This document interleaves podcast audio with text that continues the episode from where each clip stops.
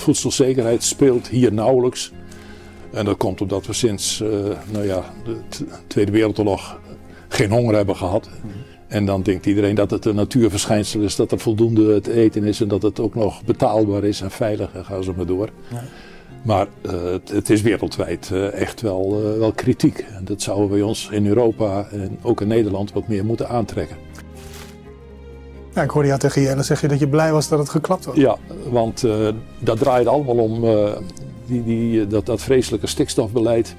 En dan denk ik, ja jongens, als dat de, de invalshoek wordt en dat daar de resultaatsverplichtingen wordt gerecht, gelegd en de rest moet zich daaromheen allemaal maar aanpassen, mm -hmm. dat is natuurlijk geen beleid.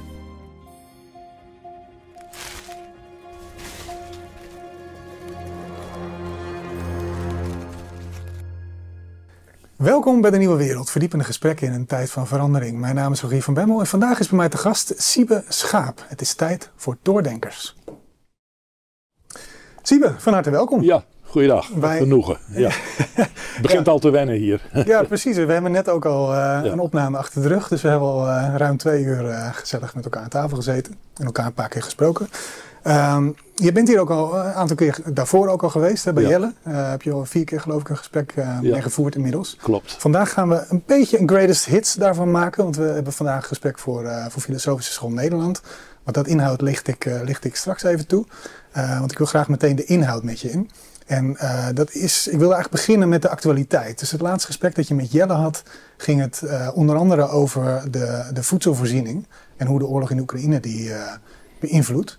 En je voorspelde toen, en volgens mij is dat gesprek van begin 22, maart 22 of zoiets. Ja, dat is een kleine twee jaar geleden. Ja, ja dus, uh, ja. Uh, of nee, nee, het is korter geleden. Uh, midden, midden nou, het zal ander, anderhalf jaar geleden zijn, eh, toen de boycott van Odessa haven op gang kwam. Exact, ja. En opeens de, ja, de hele voedselzekerheid een item werd. Ja, ja, en nou vergeet ik je, omdat we al zo lang zitten te praten, helemaal te introduceren. Laat ik dat toch nog even oppakken, uh, voordat, je, voordat jij daar het woord over neemt. Um, jij bent uh, senator geweest, uh, bijna twaalf jaar geloof ik. Twaalf jaar. voor, de, voor de VVD. Je bent gehabiliteerd, hè, dus dat is nog iets meer dan ge, gepromoveerd. Gehabiliteerd in de filosofie. Ja. Uh, je bent ook boer geweest, onder andere in Oekraïne. Uh, vandaar dat ik het daar ook graag met je over wilde hebben. En jij schrijft, uh, een, ja, je, bent een vruchtbaar, je hebt een vruchtbare pen. Ja. en je schrijft met name over de rechtsstaat. De, daar zal dit gesprek voornamelijk ook over gaan. Ehm, je hebt je ook wel kritisch uitgesproken, bijvoorbeeld over de PVV. dus ja, tot, tot zover de, de introductie die ik, even, die ik bijna even vergat. Nee, um, ja, ik ben heel benieuwd. Hoe staat het er nu, hoe staat het er nu voor met de voedselvoorziening in onder andere Afrika? Nou, de, de, ja, laten we het zo zeggen, de, de honger neemt toe. Hè? Het aantal mensen dus dat uh, nou ja, niet met zekerheid uh, ook uh, voedsel krijgt. Mm -hmm. Ja, getallen, dat is altijd heel moeilijk, maar het, het, gaat wel in de richting van een miljard, geloof ik, intussen. Dat ligt niet alleen aan de oorlog in Oekraïne, hoor. Dat, ja, die oorlog heeft het gewoon op scherp gezet, omdat toen plotseling de export van granen uit, uh, uit Oekraïne plat viel. En dat onmiddellijk effecten had, uh, nou, laten we zeggen, wereldwijd. Hm. Bijvoorbeeld op voedselprijzen. En er even uh, toen ging spelen van, ja, hoe zit het eigenlijk met, de, met de voedselzekerheid?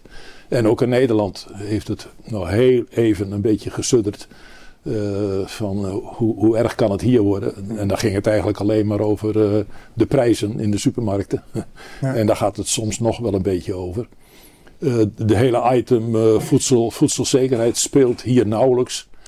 En dat komt omdat we sinds uh, nou ja, de Tweede Wereldoorlog geen honger hebben gehad. Mm -hmm. En dan denkt iedereen dat het een natuurverschijnsel is, dat er voldoende te eten is en dat het ook nog betaalbaar is en veilig en gaan ze maar door. Ja. Maar uh, het, het, is wereldwijd uh, echt wel, uh, wel kritiek. En dat zouden we ons in Europa en ook in Nederland wat meer moeten aantrekken. Nou, ik vind het moeilijk om, om uit de media, en dan, dan, dan probeer ik best wel breed te lezen. Dus niet ja. alleen de kranten, maar ook inderdaad bepaalde YouTube-kanalen of ja. wat, wat, blogs te volgen hier en daar. Ik vind het toch moeilijk om, zonder dat ik echt.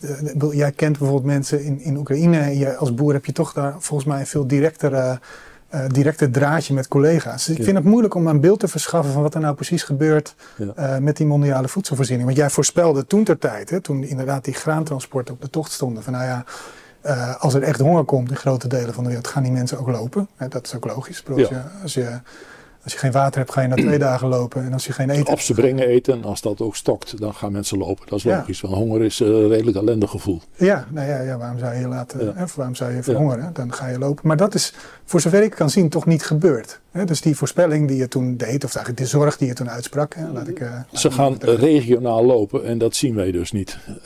Nee, maar dat gebeurt wel. Dat zien de organisaties wel, uiteraard. In de Hoorn van Afrika, daar, uh, nou, daar is de productie bijna nul geworden in grote gebieden. Mm -hmm. en, uh, maar het, het, grote risico ook voor ons, wereldwijd, is eigenlijk, ja, moet je even naar twee dingen kijken. A, de productiviteit zeg maar, van de bodems.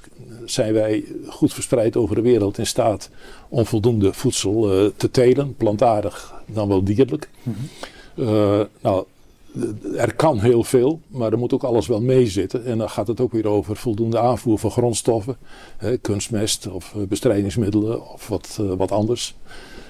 Saaizaad.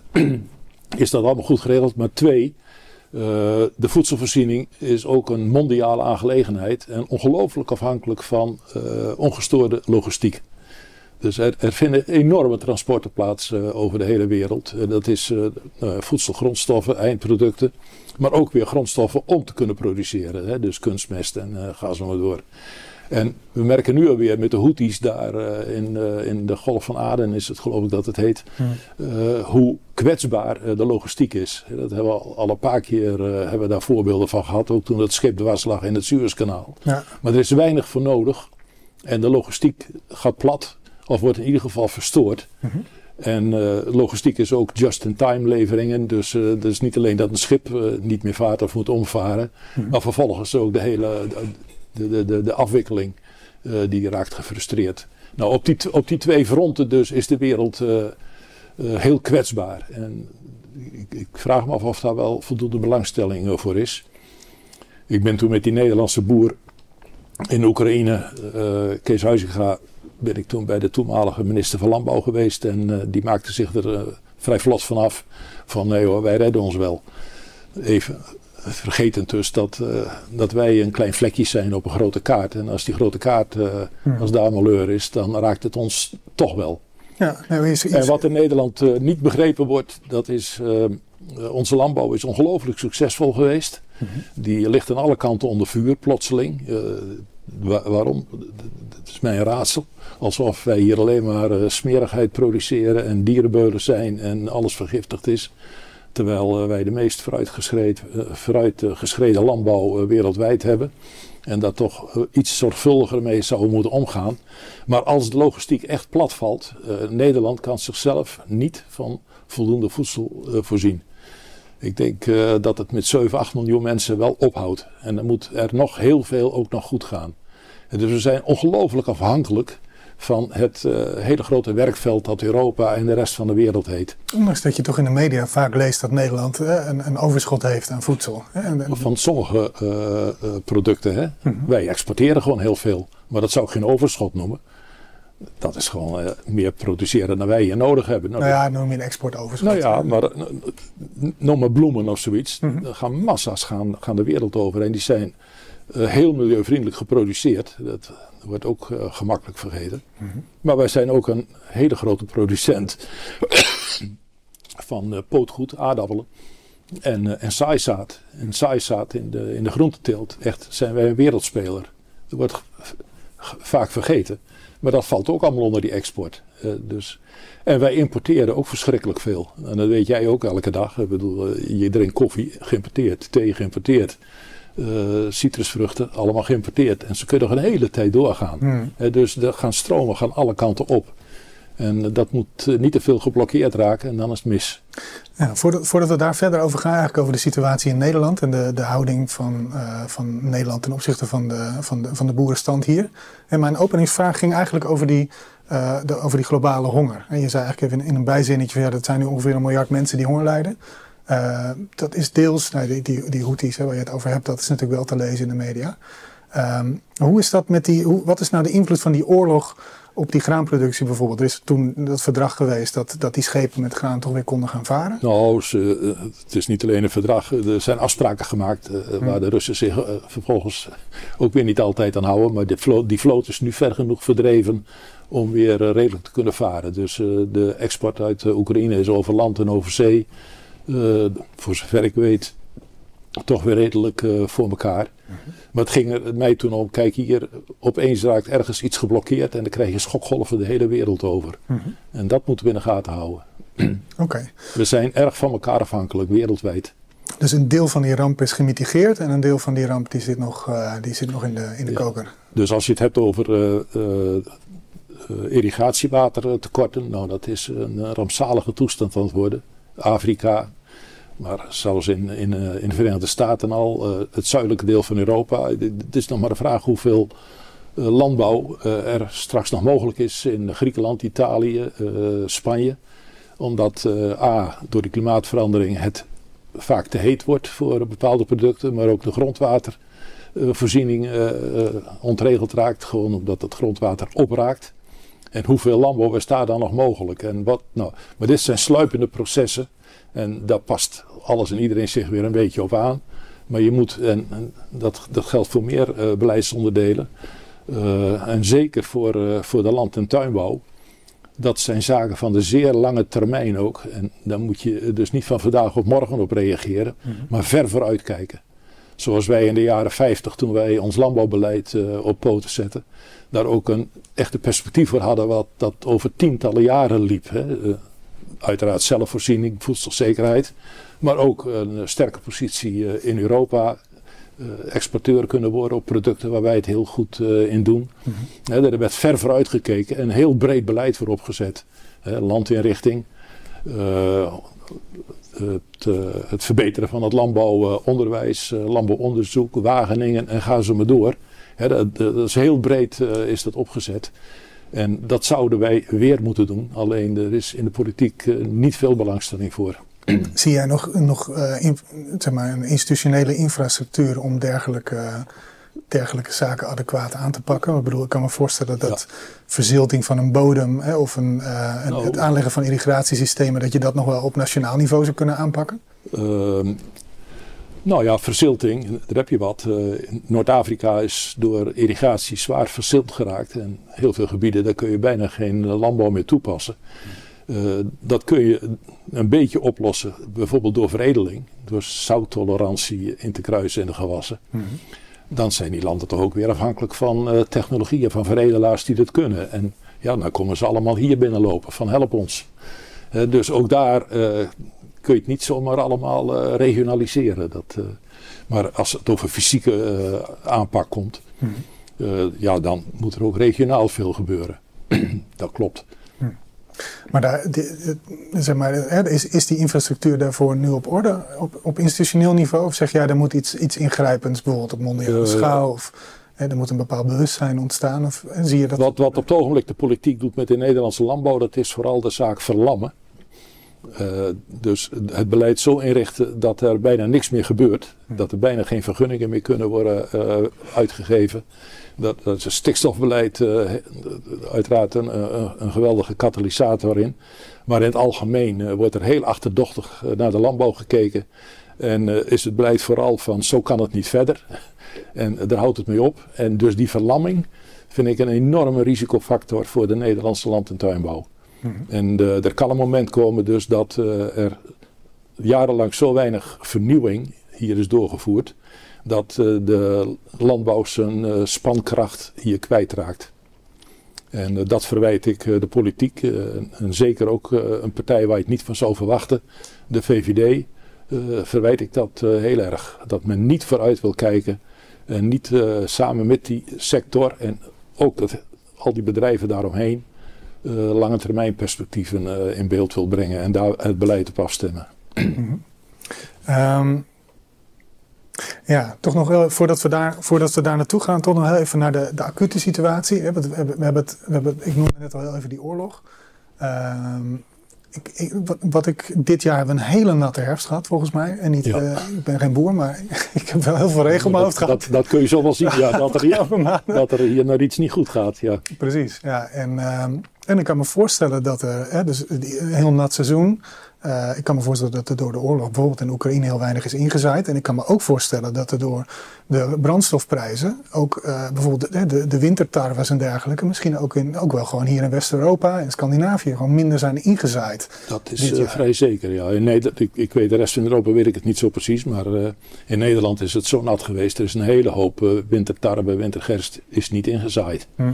Of dat nog kan worden hersteld. Nou, ik ben bang dat het straks over is. Dus dat dat zaad bleef liggen en dat er eh, uitgeweken moet worden naar wat anders. Dus zomergranen of nog wat anders. Ja. En bovendien liggen er heel veel kavels er zo door en door vernauwd bij. uh, structuurbederf van, uh, van, van de gronden. Dit, dit heeft dan wel een staartje hoor, wat er de afgelopen drie maanden gebeurd is. Ja, vertel eens. Dus nou ja, dat uh, de landbouw hele grote schade heeft opgelopen. Dat, dat, je mag hopen dat dat in het voorjaar weer hersteld kan worden. Ja, want anders, wat, wat zou het staartje kunnen zijn? Nou ja, dat de wintergranen niet ingezaaid, uh, heel veel niet ingezaaid is. Dus er moet wel een vervanger voor zijn. En, uh, dus is er voldoende zaaizaad voorradig om het dan maar met zomergranen te gaan proberen. Maar ik heb daar de cijfers niet voor op een rij. Maar hm. dat de landbouw veel schade oploopt op het ogenblik. Dat is zeker. Oké. En hier loopt ook nog wel een, uh, ook weer een sluipmoordenaar in rond. Dat, is, dat heeft waarschijnlijk toch weer ook met klimaatverandering te maken. De druk van uh, ziekten en plagen in de agrarische sector, die neemt wel toe. Mm -hmm. uh, een beetje natter, een beetje warmer. Nou, dan weet je dat de schimmelziektes, dat, dat die daar wel bij varen. En ja, luister dat zo nou? Dat, uh, nou ja, je moet erg oppassen dus dat je uh, een explosie op een bepaald moment, dat je daar uh, niet direct allemaal vergaande conclusies aan verbindt. Mhm. Maar ik weet van de veredelaars in, in de aardappelenwereld wel dat ze zeggen van wij moeten hier wat mee gaan doen, want de, de druk wordt te groot. En dan kan ik wel heel technisch daar voorbeelden van noemen, maar er zijn in, in mijn eigen woongebied, de Noordoostpolder, ja. Op de wat lichtere gronden daar. Uh, daar uh, bodem, bodemparasieten die zich uh, daar snel ontwikkelen. Die bijvoorbeeld op veel bedrijven de pootgoedteelt al onmogelijk maken. Terwijl het een van de meest ideale gebieden wereldwijd is om dat te telen. Nou, hoe breed het is, hoe, hoe, hoe, hoe dit gaat woekeren, dat weet ik allemaal niet. Maar het is iets om heel erg in de gaten te houden. Ja, nou zei je dat net al even, je, je, je stuurde net al even mijn, mijn concrete nieuwsgierigheid naar. Wat gebeurt er en hoe krijgen we daar grip op? Uh, die vertaal jij eigenlijk meteen naar lange termijnvisie. Hè? Hoe, moeten, hoe moeten we hier beleid op maken en, en, waarom gebeurt dat niet? En kijk daar eens naar. En dan samen met de boeren, maar niet alleen met de boeren, met de onderwijsinstellingen, met, uh, met onderzoek uh, en gaan ze maar door. Nou ja, met het landbouwakkoord is er een poging gedaan om zoiets uh, voor elkaar te krijgen. Ja, ik hoorde jou tegen Jelle zeggen dat je blij was dat het geklapt was. Ja, want uh, dat draait allemaal om uh, die, die, dat, dat vreselijke stikstofbeleid. En dan denk ik, ja jongens, als dat de, de invalshoek wordt en dat daar de resultaatsverplichtingen wordt gerecht, gelegd en de rest moet zich daaromheen allemaal maar aanpassen, mm -hmm. dat is natuurlijk geen beleid. Dus het moet veel breder worden getrokken. en dan dus niet met één factor eruit halen en absoluut stellen en de rest uh, daaromheen weven. Gewoon opengooien en vooral ook uh, vernieuwen. En dan wel even samen dus met al die partijen. En uh, de overheid wel als facilitator en stimulator en weet ik het allemaal. Maar niet als een een of andere dictator die daar gaat vertellen van wat de limits allemaal zijn. Ja, nou daar gaan we, daar gaan we zo verder op in. En uh, dit is ook wel een goed moment denk ik om even, uh, ik wilde eerst even gewoon wat inhoud bespreken. Ja. om de kijker ook niet meteen af te schrikken met een soort abstract verhaal. Maar ik, dat hou ik nu toch heel eventjes, want dit, je bent de eerste gast in een, in een serie gesprekken. Die noemen we Doordenkers, dat kondigde ik net al aan.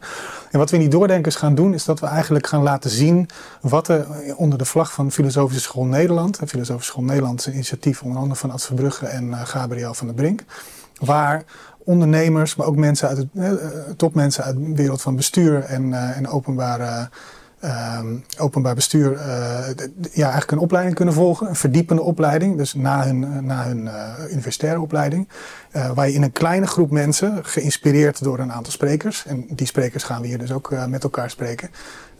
ja, met elkaar in gesprek gaan over bestuur, over uh, hoe je kunt kijken naar de wereld. En daarbij, hè, dus doordenkers, het gaat er om verdieping. En dus ook om, om netwerken in de zin van dat je kennis uitwisselt en manieren van denken.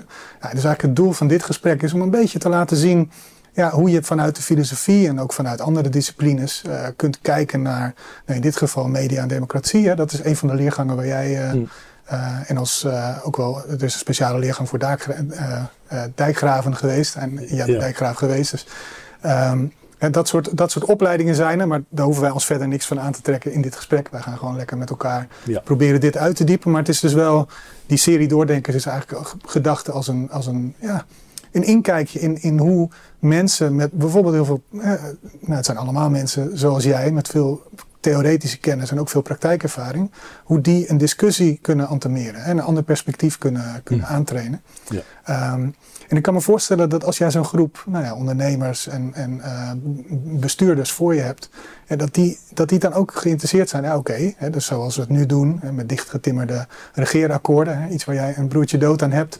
En dus inderdaad dat soort klimaatakkoorden uh, of, of uh, landbouwakkoorden, hè, dat, dat is niet de manier waarop je dat bestuur zou moeten inrichten. Ja. Dan is de vraag, ja, hoe dan wel? Inspireer ons. Dus hè, misschien kunnen we er wat concreter nu op ingaan hoe je Ehm, ja, hoe je dat voor je ziet. En dan gaat het, uh, weet het op de landbouw eerst? Uh, ja, gewoon op de lijn waar we net op zaten. Dit was even een kort intermezzo. Maar inderdaad, zo'n zo landbouwakkoord, hoe, hoe zou je dat dan moeten aanpakken? Kijk, de, de, de hoofdlijnen van beleid, uh, voor zover de overheid erbij betrokken is, dan moet de overheid ook zeggen van nou, ik, ik, ik, ik, ik draag daar ook aan bij. Ik faciliteer het ook wat. Uh, ik zet die hoofdlijnen van beleid op papier en dat zijn ook doorkijkjes dus uh, de, de toekomst in. Hè. Wat staat ons te wachten? En hoe moeten wij daar nu al maatregelen voor treffen? Bijvoorbeeld wetenschappelijk onderzoek uh, op gang brengen. Nou, dat, de wetenschap werkt dus niet van dag op dag. Die, dat zijn ook programma's waarbij je vooruit moet kijken en moet investeren in de hoop dat je over vijf, zes jaar, mm -hmm. of misschien nog wat langer, dat er dan wat uitkomt. Ja. Dat moet de overheid doen. Beleid opmaken. Daar moet je ook kijken, is er wetgeving voor nodig? Nou, hoe een goede, goede wet eruit moet zien, dat zijn we in Den Haag al helemaal vergeten. Er is nauwelijks nog belangstelling voor. In de Tweede Kamer zeker niet. Maar ook dat moet je goed in de gaten houden. Hè? Hoe omlijst je dat met goede wetten? En dan, dan moet je ook accepteren dus dat uh, beleid ook gemaakt mag worden door andere partijen. Hè? Dus ook door de agrarische industrie. En ook door de boeren zelf.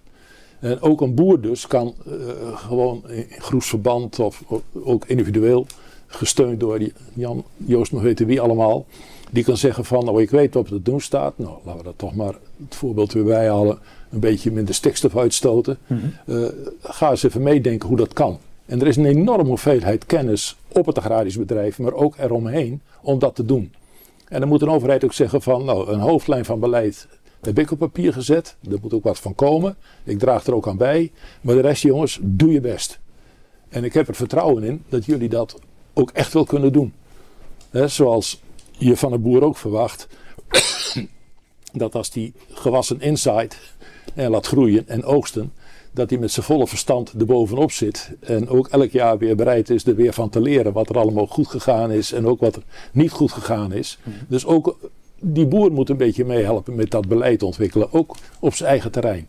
Nou, en dan zie je ook, dan, dan zie je vanzelf de creatief losbarsten en in de agrarische sector, maar zoals zoveel sectoren, dat rondpompen van uh, inzichten, uh, dat, uh, daar zijn ze hartstikke goed in. Je leert gauw genoeg van elkaar, hm. snap je? En zo kun je het ook verder helpen. En het is veel te veel een zaak geworden van wij in Den Haag. Wij zullen wel eens even vastleggen wat er allemaal staat te gebeuren. En dat doen we dan nog het liefst in verbodstermen. Dus wat er allemaal niet mag en niet kan. En, en, en, waarop moet worden toegezien. En uh, de toezichthouders uh, erbovenop. jaagt er achteraan. je kunt het ook omgekeerd dat je zegt: Ik wil dat een hoop dingen wel goed gaan. En daar vertrouw ik jullie ook in dat je daarin bijdraagt. Als we dat nou eens concreet maken, dus ik weet dat die, die, die RVO bijvoorbeeld, die weet zelf, hè, dan, moet er, dan, dan kan er minder mest afgevoerd worden. Hè, dan moet de RVO daarop toezien. Maar die RVO weet zelf vaak ook niet precies hoe dat nou allemaal hè, moet gaan lopen, zo'n soort, nieuw, soort nieuw beleid. Nee. Dus dan krijg je eigenlijk in die, in die hele sector dat er eigenlijk niemand, zelfs de RVO niet, nou, dat, helderheid kan geven over wat er moet gaan gebeuren. Nou, en dat is dus verlamming. En, en, iedereen dat, gaat dat, vind ik, dat vind ik zeer bedreigend. Hoe zouden we dat dan moeten doen? Als je dus om, om, om een bedrijf te kunnen moderniseren moet je meestal ook een beetje uitbreiden. Er komt genoeg ruimte vrij, want de helft van de boeren heeft geen opvolger. dus het zit vol met ontwikkelingskansen. Maar als het dan op bedrijfsvergroting al een taboe komt te liggen, nou dan begint het al mee. Hm. Uh, uh, als vervolgens het stikstofbeleid er zo uitziet dat je wel zeker weet, milieuvergunningen die kunnen bijna niet meer worden afgegeven. Uh, weer een probleem. Als er geen langere termijn is en je loopt naar een bank, nou, dan weet je zo wel wat er staat te gebeuren. En dan is de agrarische sector echt niet anders dan alle andere sectoren. Mhm. Een bank wil natuurlijk een, een, een, goed overzicht hebben van waar wordt geïnvesteerd, wat voor geld heb je van mij nodig. En weet ik wel zeker dat het rendeert, zodat uh, er ook rente betaald en afgelost uh, kan worden. Dus de bank die begint ook al te aarzelen. Uh, onderzoeksprogramma's, ja, wat moeten we nu wel, wat moeten we nu niet? Want als het allemaal verbodstellingen zijn, dan weet een onderzoeker ook niet meer waar hij dan positief zeg, bovenop moet springen. Nou, nou dat is, een, en, dat is in, en dat is in Nederland dus redelijk op het ogenblik platgelegd. En dat moet niet nog drie, vier jaar duren. maar die, die analyse is wel, uh, met, met alle permissie, maar die, is, die, die hebben we hier ook al een paar keer van jou gehoord, maar die is denk ik ook wel breder ook bekend. Nou, uh, nou de, dat zal wel bekend zijn. Maar ik zie er in Den Haag niet veel gebeuren. Uh, laten we zeggen, er wordt ook wat mee gedaan. Ja, maar hoe zouden ze dat dan moeten? Want ik denk dat daar, hè, en dan komen we misschien ook bij, nou ja, bij, je hebt eigenlijk een trilogie geschreven, hè, waar dit het laatste deel van is. politiek in een maalstroom, dat gaat eigenlijk over politieke representatie. Uh, en daarvoor had je al rechtsstaat in verval en als alle vertrouwen wegvalt. Hè, dit is eigenlijk een drieluik. Burger, over het burgerschap, ja. Ja, en, dit, uh, en in dat boek is eigenlijk de, de, de sluipende autocratisering van, hè, ja. van, uh, van het openbaar bestuur, hè, zou je kunnen zeggen. Ja. is, is daarin thema? Liggen deze dingen ook over elkaar heen wat jou betreft? er is... ja, nou, nou, nou trek je het heel veel breder. Hè? Dan, dan heb je over uh, hoe het Nederland bestuurt. Mm -hmm. uh, nou, dan zie je dus dat uh, er steeds meer, laten we zeggen, zeggenschap in handen komt van een hele klein partij-establishment in de verschillende partijen. Mm -hmm. Nou, bij de PVV is dat natuurlijk heel duidelijk, dat is Wilders en de rest heeft maar te volgen. Maar dit, een, een, een, beetje daarop lijkende structuur zie je in veel partijen, ook in de VVD. Een kleine groep die het voor het zeggen heeft de leden van de partij doen er eigenlijk weinig toe. roeren zich ook steeds minder. De partijen lopen ook leeg. Ledenaanwas is bij de meeste partijen negatief. Mm -hmm. En uh, daar zeg ik van, pas nou toch op dat met inzet van de democratie, dus ook van het parlement, van de politieke partijen, niet langzaam maar zeker, het heft in handen komt van een partijenelite die het verder allemaal regelt. En dat dan uh, de bestuurbaarheid van Nederland uh, niet meer, uh, laten we zeggen, geleid wordt vanuit het parlement, wat eigenlijk zou moeten, hm. maar vanuit de regeermacht. En dat het dan ook vooral om macht gaat. Ja. Wie krijgt daar de touwtjes in handen? Nou, je, je, je, zegt, je zegt terecht dat ik het breder trek, maar ik denk dat als we die schets eerst maken, dat we van ja. daaruit ook weer makkelijker over oplossingen kunnen nadenken. Ja. Omdat je, jij hebt dat allemaal in je achterhoofd, maar de, de kijker en, uh, en ik voordat ik je boek las misschien wat minder. um, Dus ik wil toch even die lijn volgen en dan uitkomen bij zoiets concreets als hoe kun je dan zo'n landbouw, uh, ja. uh, landbouwbeleid op een betere manier inzetten. Um, en die, dus die, die analyse dat die autocratie, ik denk dat heel veel mensen, uh, ik vond je boek heel herkenbaar, wat je daarin schrijft, dat heel veel mensen inderdaad dat beeld hebben van een Rutte, laatst ook weer. Die staat daar dan in demissionaire toestand. Ja. daar is de Kamer, die wil dan eventueel de, de steun intrekken, bijvoorbeeld voor Oekraïne of zo. En uh, dan zegt hij, ja, jullie kunnen wel een motie indienen, maar dat gaan we niet uitvoeren. Ja. En uh, uh, als jullie wel willen dat we dat uitvoeren, dan stuur ons maar naar huis en dan, dan regeer het land zelf maar. Ja. En dat is ongeveer de toon waar Rutte ja. nu, ja. ja, dat is gedegenereerd natuurlijk. Aanvankelijk hield hij nog de schijn op dat, er, dat, dat hij het, het, parlement serieus nam. En inmiddels negeert hij de Kamer, schoffeert hij de Kamer. Alexandra van Huffelen met betrekking tot Europese regelgeving rond, uh, rond CBDC heeft dat natuurlijk ook gezegd. Hè, van ja, er, is geen, er is geen alternatief, dus de Kamer kan dat wel roepen, maar gaan we dus niet uitvoeren. En dus eigenlijk die, je zou kunnen zeggen, dat is eigenlijk het, het, het, het, het, het angstbeeld dat jij al oproept in je boek van, van die complete autocratisering van het bestuur. Ja. Dus ik denk dat dat een heel herkenbare... Waarbij er nog iets uh, opvallends uh, gegroeid is de afgelopen nou ja, decennia, maar het is erger geworden dat de Kamer in plaats van wetgevende macht en controle op de regering uh, te spelen, dat is de eigenlijke taak. De, de, de, het parlement stelt wetten vast. Uh, moet eigenlijk ook initiëren, dus dat ergens wetgeving voor moet komen met hoofdlijnen erbij. Nou, dan zeg je, geachte regering, help ons er even bij. De Kamer stelt een regering aan, geeft een regeeropdracht mee en controleert vervolgens eh, de regering op de uitvoering daarvan. Ja. Nou, dat controleren van de regering, nou, we kennen de schandalen allemaal wel, uh, dat, uh, dat gaat niet goed. maar het verlenen van een regeeropdracht en het aanstellen van een, een regering, daar is ook iets heel raars mee gebeurd. En dan komen we dus bij die regeerakkoorden. Dat daar een klein groepje, nou, de laatste keer negen maanden de tijd krijgt om een regeerakkoord te fabriceren. 60, 70 pagina's dik bedrukt. Mhm. Dik. Uh, waarin tot achter de komma alles wordt vastgelegd. Wat de komende jaren staat te gebeuren. Uh, en vervolgens de regeerpartijen. Die heten dan ook al zo, hè? Regeerpartijen. Dus het gaat om het regeren. Uh, even de tijd krijgen om er nog eens naar te kijken en zich dan loyaal moeten verklaren dus aan het regeerakkoord en zichzelf dus als Kamer hebben uitgeschakeld. Nou, de oppositie die wordt ook uitgeschakeld, want die heeft natuurlijk helemaal niet meegedaan aan het regeerakkoord en heeft het nakijken. En dus dat de Kamer zelf met dat regeerakkoord alle macht al in handen legt van de regering. Nogal logisch dat verkiezingen dan al lang niet meer gaan over de vraag wie komt er in de Kamer. Nee, wie wordt de premier? wie gaan ons straks regeren? Daar draait het allemaal om. Hè? Dat was de steeds terugkerende vraag, uh, ook bij de, bij de laatste verkiezingen. Mm. Wie, wordt er, wie wordt er premier? Wie is de kandidaat? En dan komt iedereen van schrik met premierskandidaten tevoorschijn. En als iemand zegt, daar heb ik geen zin aan, dan is die verdacht. Ja. Het draait om regeermacht. En dat, uh, ook binnen de politieke partijen zie je dus dat leden nagenoeg niets meer te vertellen hebben. Een paar partijen uitgezonderd, ChristenUnie, SGP, die hebben wel uh, een, heel, een hele sterke achterban waar ook ontzettend veel dialoog mee wordt gevoerd. Maar let op dat stikstofcongres van de VVD. Hè, daar ja, werd een motie in gediend. Nog wel de eerste ondertekenaars. Dat waren uh, twee dames uit provincieland en uit gemeenteland. Mm -hmm. Die motie van kijk nou in hemelsnaam nog eens naar het stikstofbeleid. Want dit kunnen wij zo niet uitvoeren. Mm -hmm. Uh, die motie werd, een kleine meerderheid, maar wel mooi aangenomen. De eerste reflex van uh, Rutte en Van der Wal was gewoon van, uh, van de tafel vegen. het beleid ligt vast, wij gaan onze gang. Ja. ja. sorry, dan is de ledendemocratie dus ook opgeofferd. Hè, dat is later met dat asielcongres nog weer een keer gebeurd. De partij doet er niet meer toe. Alleen nog de partijleiding.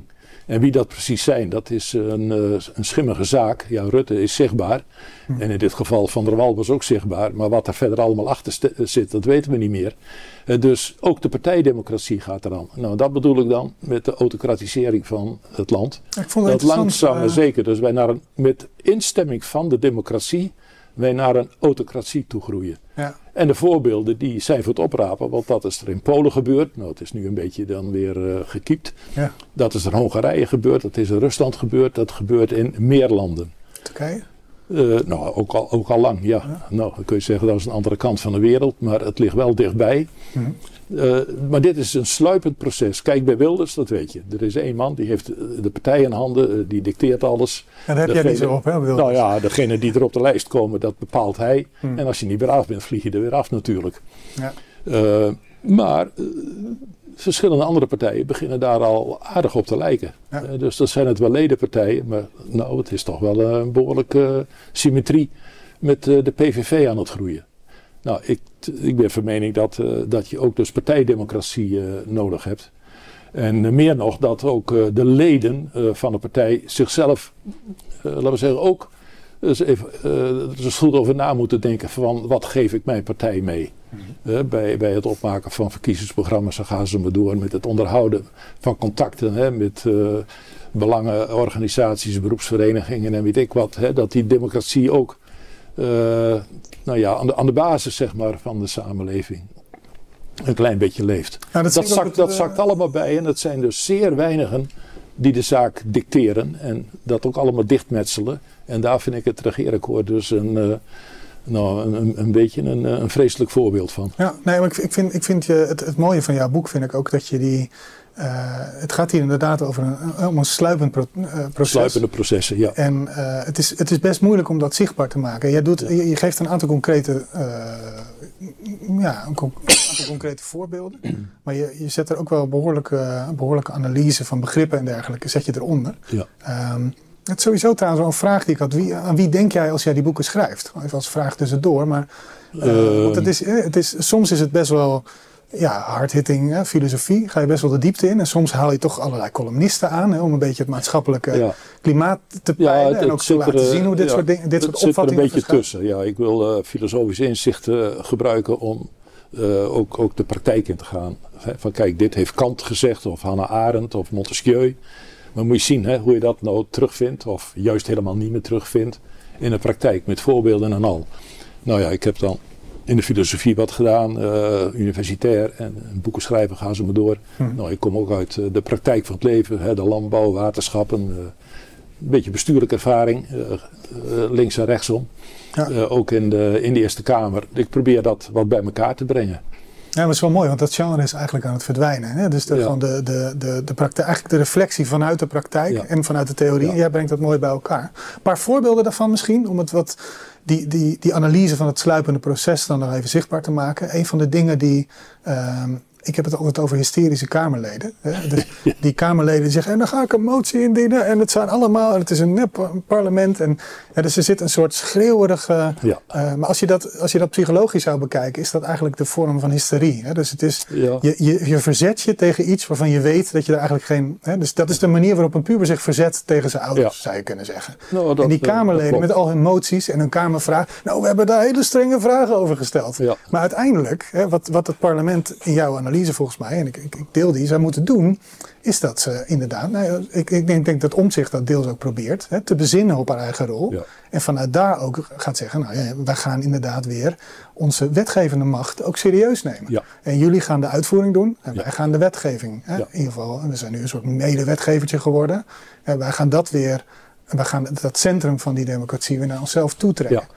Um, nou, nou, vroeg ik me af, want ik vond dat een hele mooie analyse hè, die, die je daar maakt. Ik zeg het nu een beetje in mijn eigen, ja, ja, in mijn eigen woorden, omdat ik daar ook me, daar wel eens over opwind. Maar uh, ik vroeg me af in hoeverre jouw analyse nou uh, zich onderscheidt van die van omzicht. Op een paar punten. Ik behandel hem redelijk uitgebreid uh, in mijn boek. Ook uit respect voor hem. Hm. Want ik vind dat hij, nou dat ging dan over die, die toeslagenellende, maar zich daar behoorlijk nou, hardnekkig scherp heeft opgesteld. dus ik vind het een uh, parlementariër die je heel serieus kunt nemen. Dus hij schreef dan zijn boek. Mhm. En daar heb ik uh, wat uit geciteerd. En ben met hem ook de dialoog aangegaan daarin. Mm -hmm. bijvoorbeeld over zijn stelling macht en tegenmacht.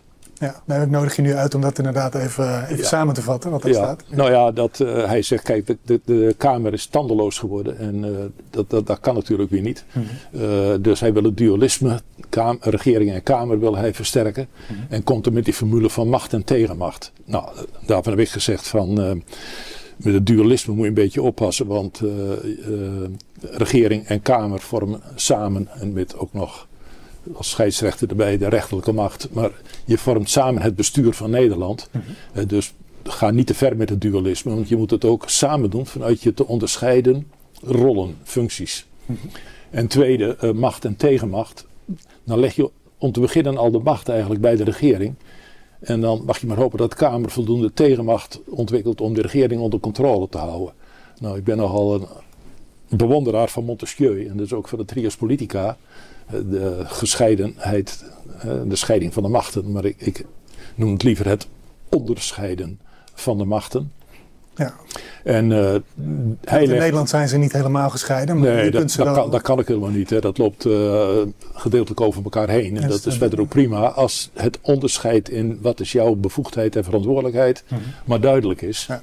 En dan vind ik dat, uh, dat is bij Montesquieu dan, dat het primaat juist bij het parlement ligt. want dat is gekozen.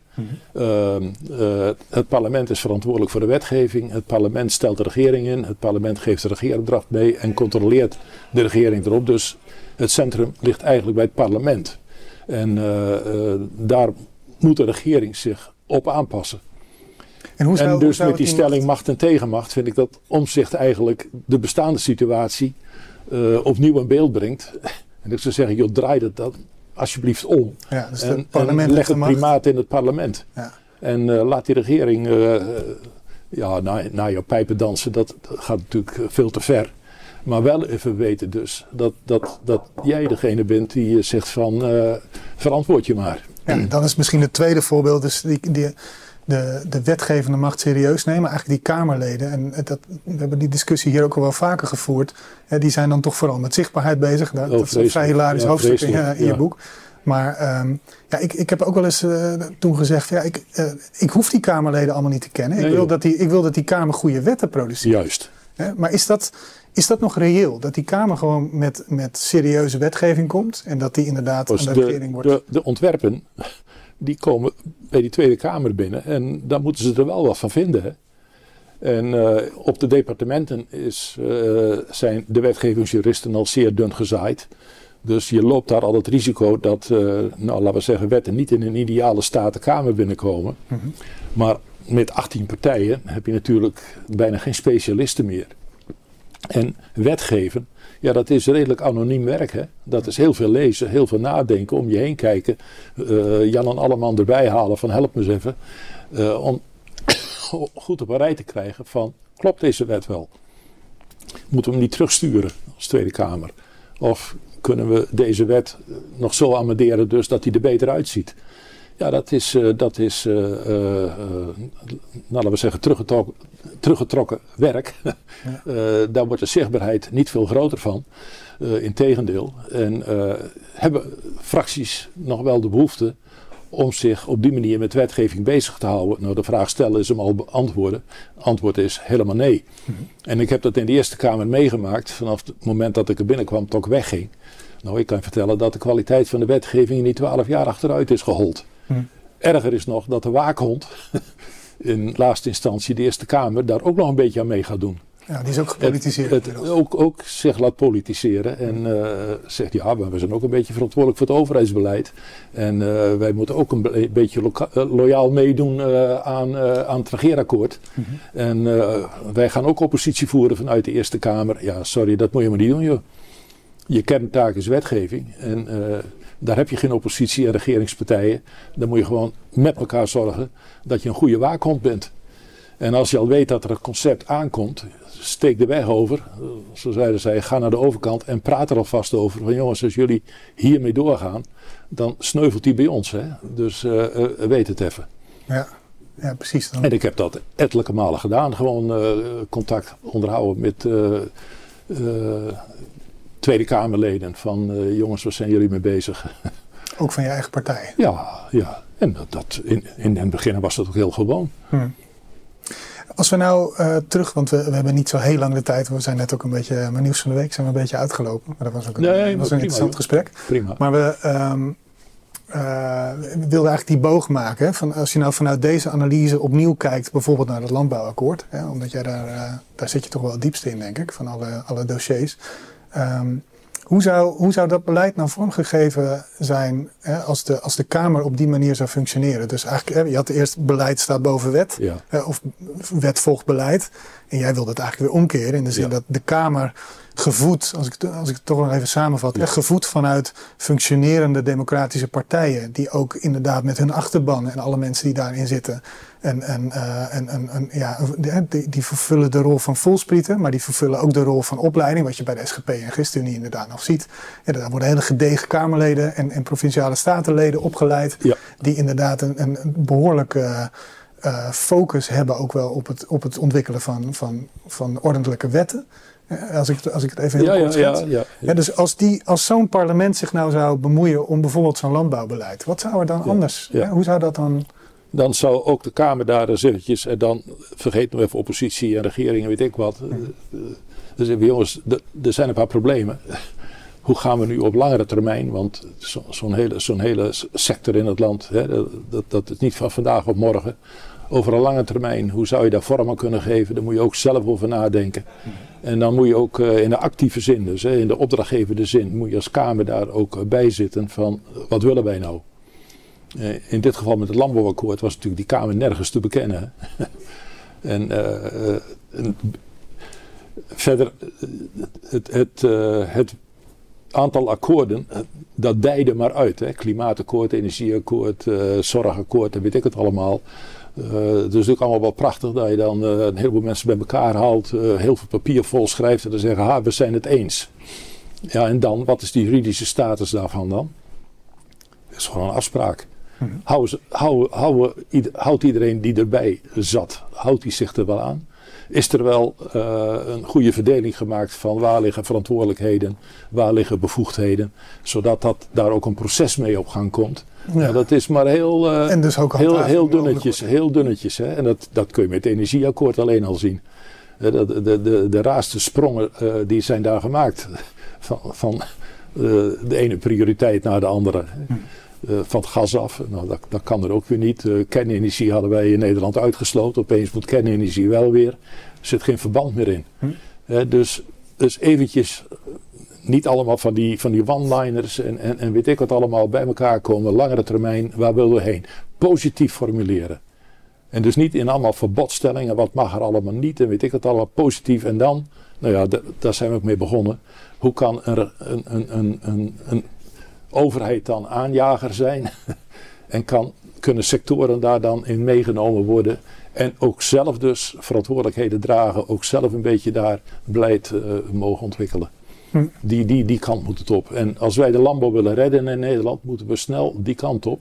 Want anders stagneert die sector. En stagneren, dat is wel kapot gaan.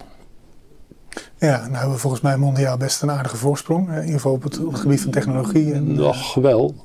Maar, uh, en wie zou ons in kunnen halen op dat vlak?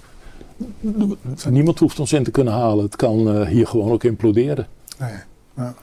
Dus uh, een, een, een, sector kan zichzelf ook kapot gaan, bij wijze van spreken, omdat er te weinig vernieuwing mogelijk was. Te weinig initiatief de vrije ruimte kreeg. Mm -hmm. De partijen te weinig nog op elkaar kunnen aansluiten, hè, zoals een bank op de ontwikkeling van de bedrijven. En ja, dan, dan krijg je stagnatie. En een beetje, een beetje volhouden met stagnatie, nou dan uh, is het kapot. En is, hoe, is nou die, hoe is die verbinding bijvoorbeeld? Hè, wat wij ontwikkelen, hè, we hebben de, de, wij hebben de, de beste veredelen, hè, de beste, het beste zaaigoed hè, van de wereld wordt geproduceerd daar ja. uh, in de kop van Noord-Holland ergens. Ja.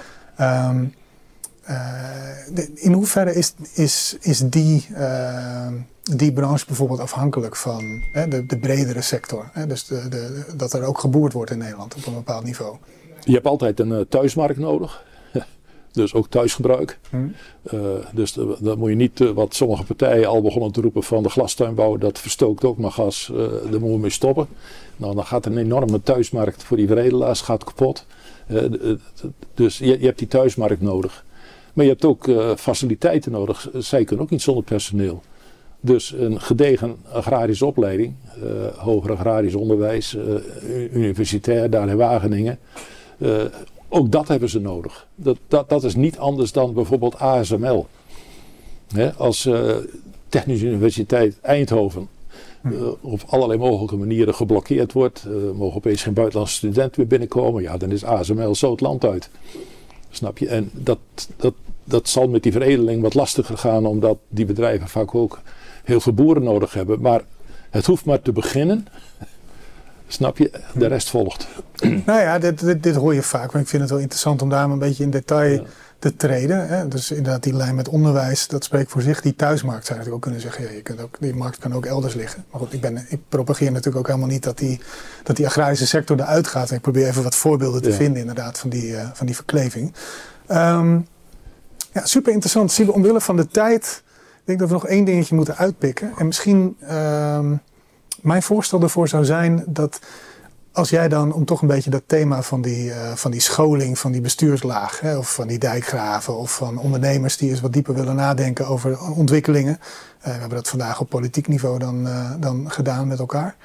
Um, wat voor, wat, wat, wat leer jij er nou van om met dat soort mensen in gesprek te gaan? Wat vind jij leuk aan dat soort leergangen? Ik, bedoel, ik weet dat jij, je hebt in, uh, volgens mij aan de Karels Universiteit heb je les gegeven, je hebt aan de TU Delft les gegeven. Maar dan sta je hier hè, bij, bij Filosofische School Nederland, sta je opeens voor zo'n groep ondernemers en, uh, en bestuurders. Uh, is dat dan heel, ja, natuurlijk is dat anders, maar wat, is dat voor jou ook prikkelend? Of is dat... Ja, ja, ja zeker. zeker. Dat, nou, bij de dijgraaf, ja, dat was natuurlijk mijn eigen oude beroepsgroep. Ja. Maar dat, dat was vroeger heel sterk je eigen gebied bewaken, de tent bewaken. nou ja, ja, je had pijlbeheer, dijken, dat was dan je taak. Mm -hmm. Maar dat is al lang, ook, goed, we hebben nu nog geloof ik 21 waterschappen of zoiets. Dat ze niet alleen veel grotere gebieden geworden met een veel zwaardere taakopdracht. Maar het is ook iets geworden van pas op jongens, het is niet alleen je eigen gebied, het is het hele land. En het is ook niet alleen je eigen land, maar ook een heel groot achterland. Ik noem maar wat, hoogwater. Ja, Maas en Rijn. Met hier onze Rijntakken. Ja, maar wat eraan komt, komt wel uit Duitsland. Wat gebeurt daar? En daar, heb je, uh, daar, moeten dus onze waterbeheerders ook even goed zicht op hebben. En ook contact onderhouden. Dat moet het Rijk doen. Maar ik vind de waterschappen zelf ook, omdat wij hier uh, onder strooms liggen. Van uh, heb contact met de Duitse bestuurders, met de, de, de Duitse organisaties. Van jullie hebben ook hoogwater. Hoe gaan jullie ermee om? Nou, toen ik uni, univoorzitter was, dat ben ik dan zes jaar geweest. kwam ik nou, toevallig in contact met, uh, met de Duitse beroepsgroep. Dus heel sterk uh, ontwikkeld in Noord-Duitsland. Waar de, de, de ontwikkeling, nou, de Duitse bestuurlijke structuur is, nou ja, we zeggen, redelijk behoudend en, en, en, en stroef. Mm -hmm. nou, ik, ben weet ik hoe vaak daar geweest, lezingen houden, congressen toegesproken. Van jullie moeten ook de dynamiek erin houden, want dat water wordt een veel groter probleem. En dan niet alleen een beetje pijlbeheer en dijkjes. Uh, maar ook de hele infrastructuur uh, die daar doorheen loopt, uh, wegen, spoorwegen en ga ze maar door, die ervan afhankelijk is. ontwikkel jezelf, doe nou zo'n schaalvergroting en zorg ervoor dat je met jou hebben en houden meedoet aan die hele grote maatschappelijke discussies. Nou, dat moeten dus dijkgraven en nou, de dagelijkse bestuurders in Nederland ook doen richting Duitsland, richting België. En waarom op Europees dat? niveau. dat minder op een gegeven moment? Zag je dat, zag je dat afnemen, die, uh, die integratie? Uh, nou, nou, niet alleen dat, maar er is. kijk, wie, wie hebben Nederland gemaakt? Nou, dat is voor een heel groot gedeelte de waterschappen. Dat is allemaal van onderop gebeurd. Um, toen ik eraan trad bij de Unie voor Waterschappen, toen nou, de linkse partijen sowieso al, maar zelfs de VVD zei van uh, die waterschappen, dat is alleen maar bestuurlijke drukte, dus die schaffen we af. Helemaal geen idee uh, uh, hoe zo'n hele infrastructuur ook bestuurlijk institutioneel het land vormgeeft. en dat het zo belangrijk is in een land als Nederland, hè, dat dat een eigen stem heeft.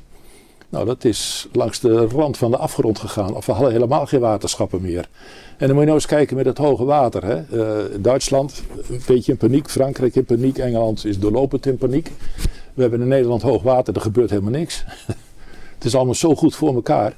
En dat kun je alleen maar zo houden, ook als bestuurders dus, dat je voorop loopt uh, in die discussie en ook naar buiten treedt. Nou ja, zo'n leergang. Dat ik dat zeggen, mensen, jullie moeten ook nadenken over de bestuurlijke inrichting van het land, over je eigen uh, verantwoordelijkheden en bevoegdheden daarin. Hmm. En meediscussiëren met anderen. Als je dat niet doet, gaat een ander over jou praten. Nou, dan is er weinig voor nodig en je bent verloren. Ja, mooi. Dan komen we toch bij een soort actief burgerschap. Hè? Dat is actief burgerschap, ook van bestuurders. Maar ik, ik zou volgens mij nog tien uur uh, door kunnen vragen, uh, Siebe. Maar voor vandaag ja. moeten, we het, uh, moeten we het afronden. Je, bent ook al, je, je, zit ook al volgens mij nu drieënhalf uur bij onze tafel. Gaat geweldig, dus, tenminste. heel erg dank voor je komst. Ja. en dank voor alle mooie inzichten in dit gesprek. Um, en hopelijk, hopelijk tot snel. Ja. en u allen bedankt voor het kijken.